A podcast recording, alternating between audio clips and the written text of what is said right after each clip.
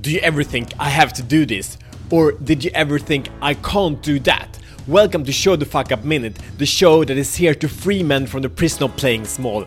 I'm Matt Fyron and together we unleash our personal greatness. With daily challenges, we grow together in the most important areas of life mission, family, health, and finance. So the problem is that our thoughts and beliefs are created in our childhood, and very few of us take 100% ownership of those to change them to serve who we are now and who we want to become tomorrow.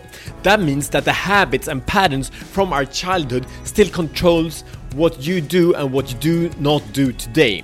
This leads to you not living to your, from your full potential in this moment, but from a much smaller version of yourself. This robs you from the health, wealth, and relationships you could have now.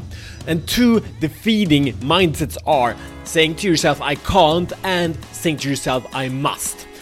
I can't means that your self doubt determines by people and culture that did not believe in you. Now you believe that their you believe in their lies that is stopping you from finding a solution in the present. You make their lies more important than the infinite ability to be creative, to show up with passion and dedication. And as Henry Ford says, whenever you think you can or wherever you think you can't, you are right. I must is as big of a vil- villain. The only time this is true in life is when in, you're in life and death situation, when reactivity is the cure, like where a wolf is coming after you or you're having to dodge a bullet, right? I must says that you think you can do it but it's you, you can do it. You can actually get it done but it's not up to you to do it or not. It means some external force limits your own decision making power. Only a victim reacts to circumstances. What a leader does is to act in the situation. I must says if i do not act on this urgent something bad will happen. There's no personal power no personal will but a victim acting out of must so here's the solution since you're here, I believe you're committed to unleash your inner greatness, right? So as soon as your mind says I can't, it means you must.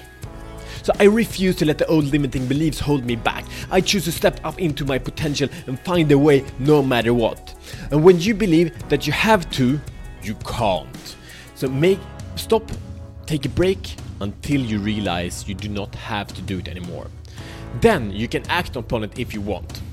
These two shifts make you leader of your own life now. So here's your challenge if you choose to accept it. For 24 hours, be aware of this mindset. If you tell yourself, I can't or I must.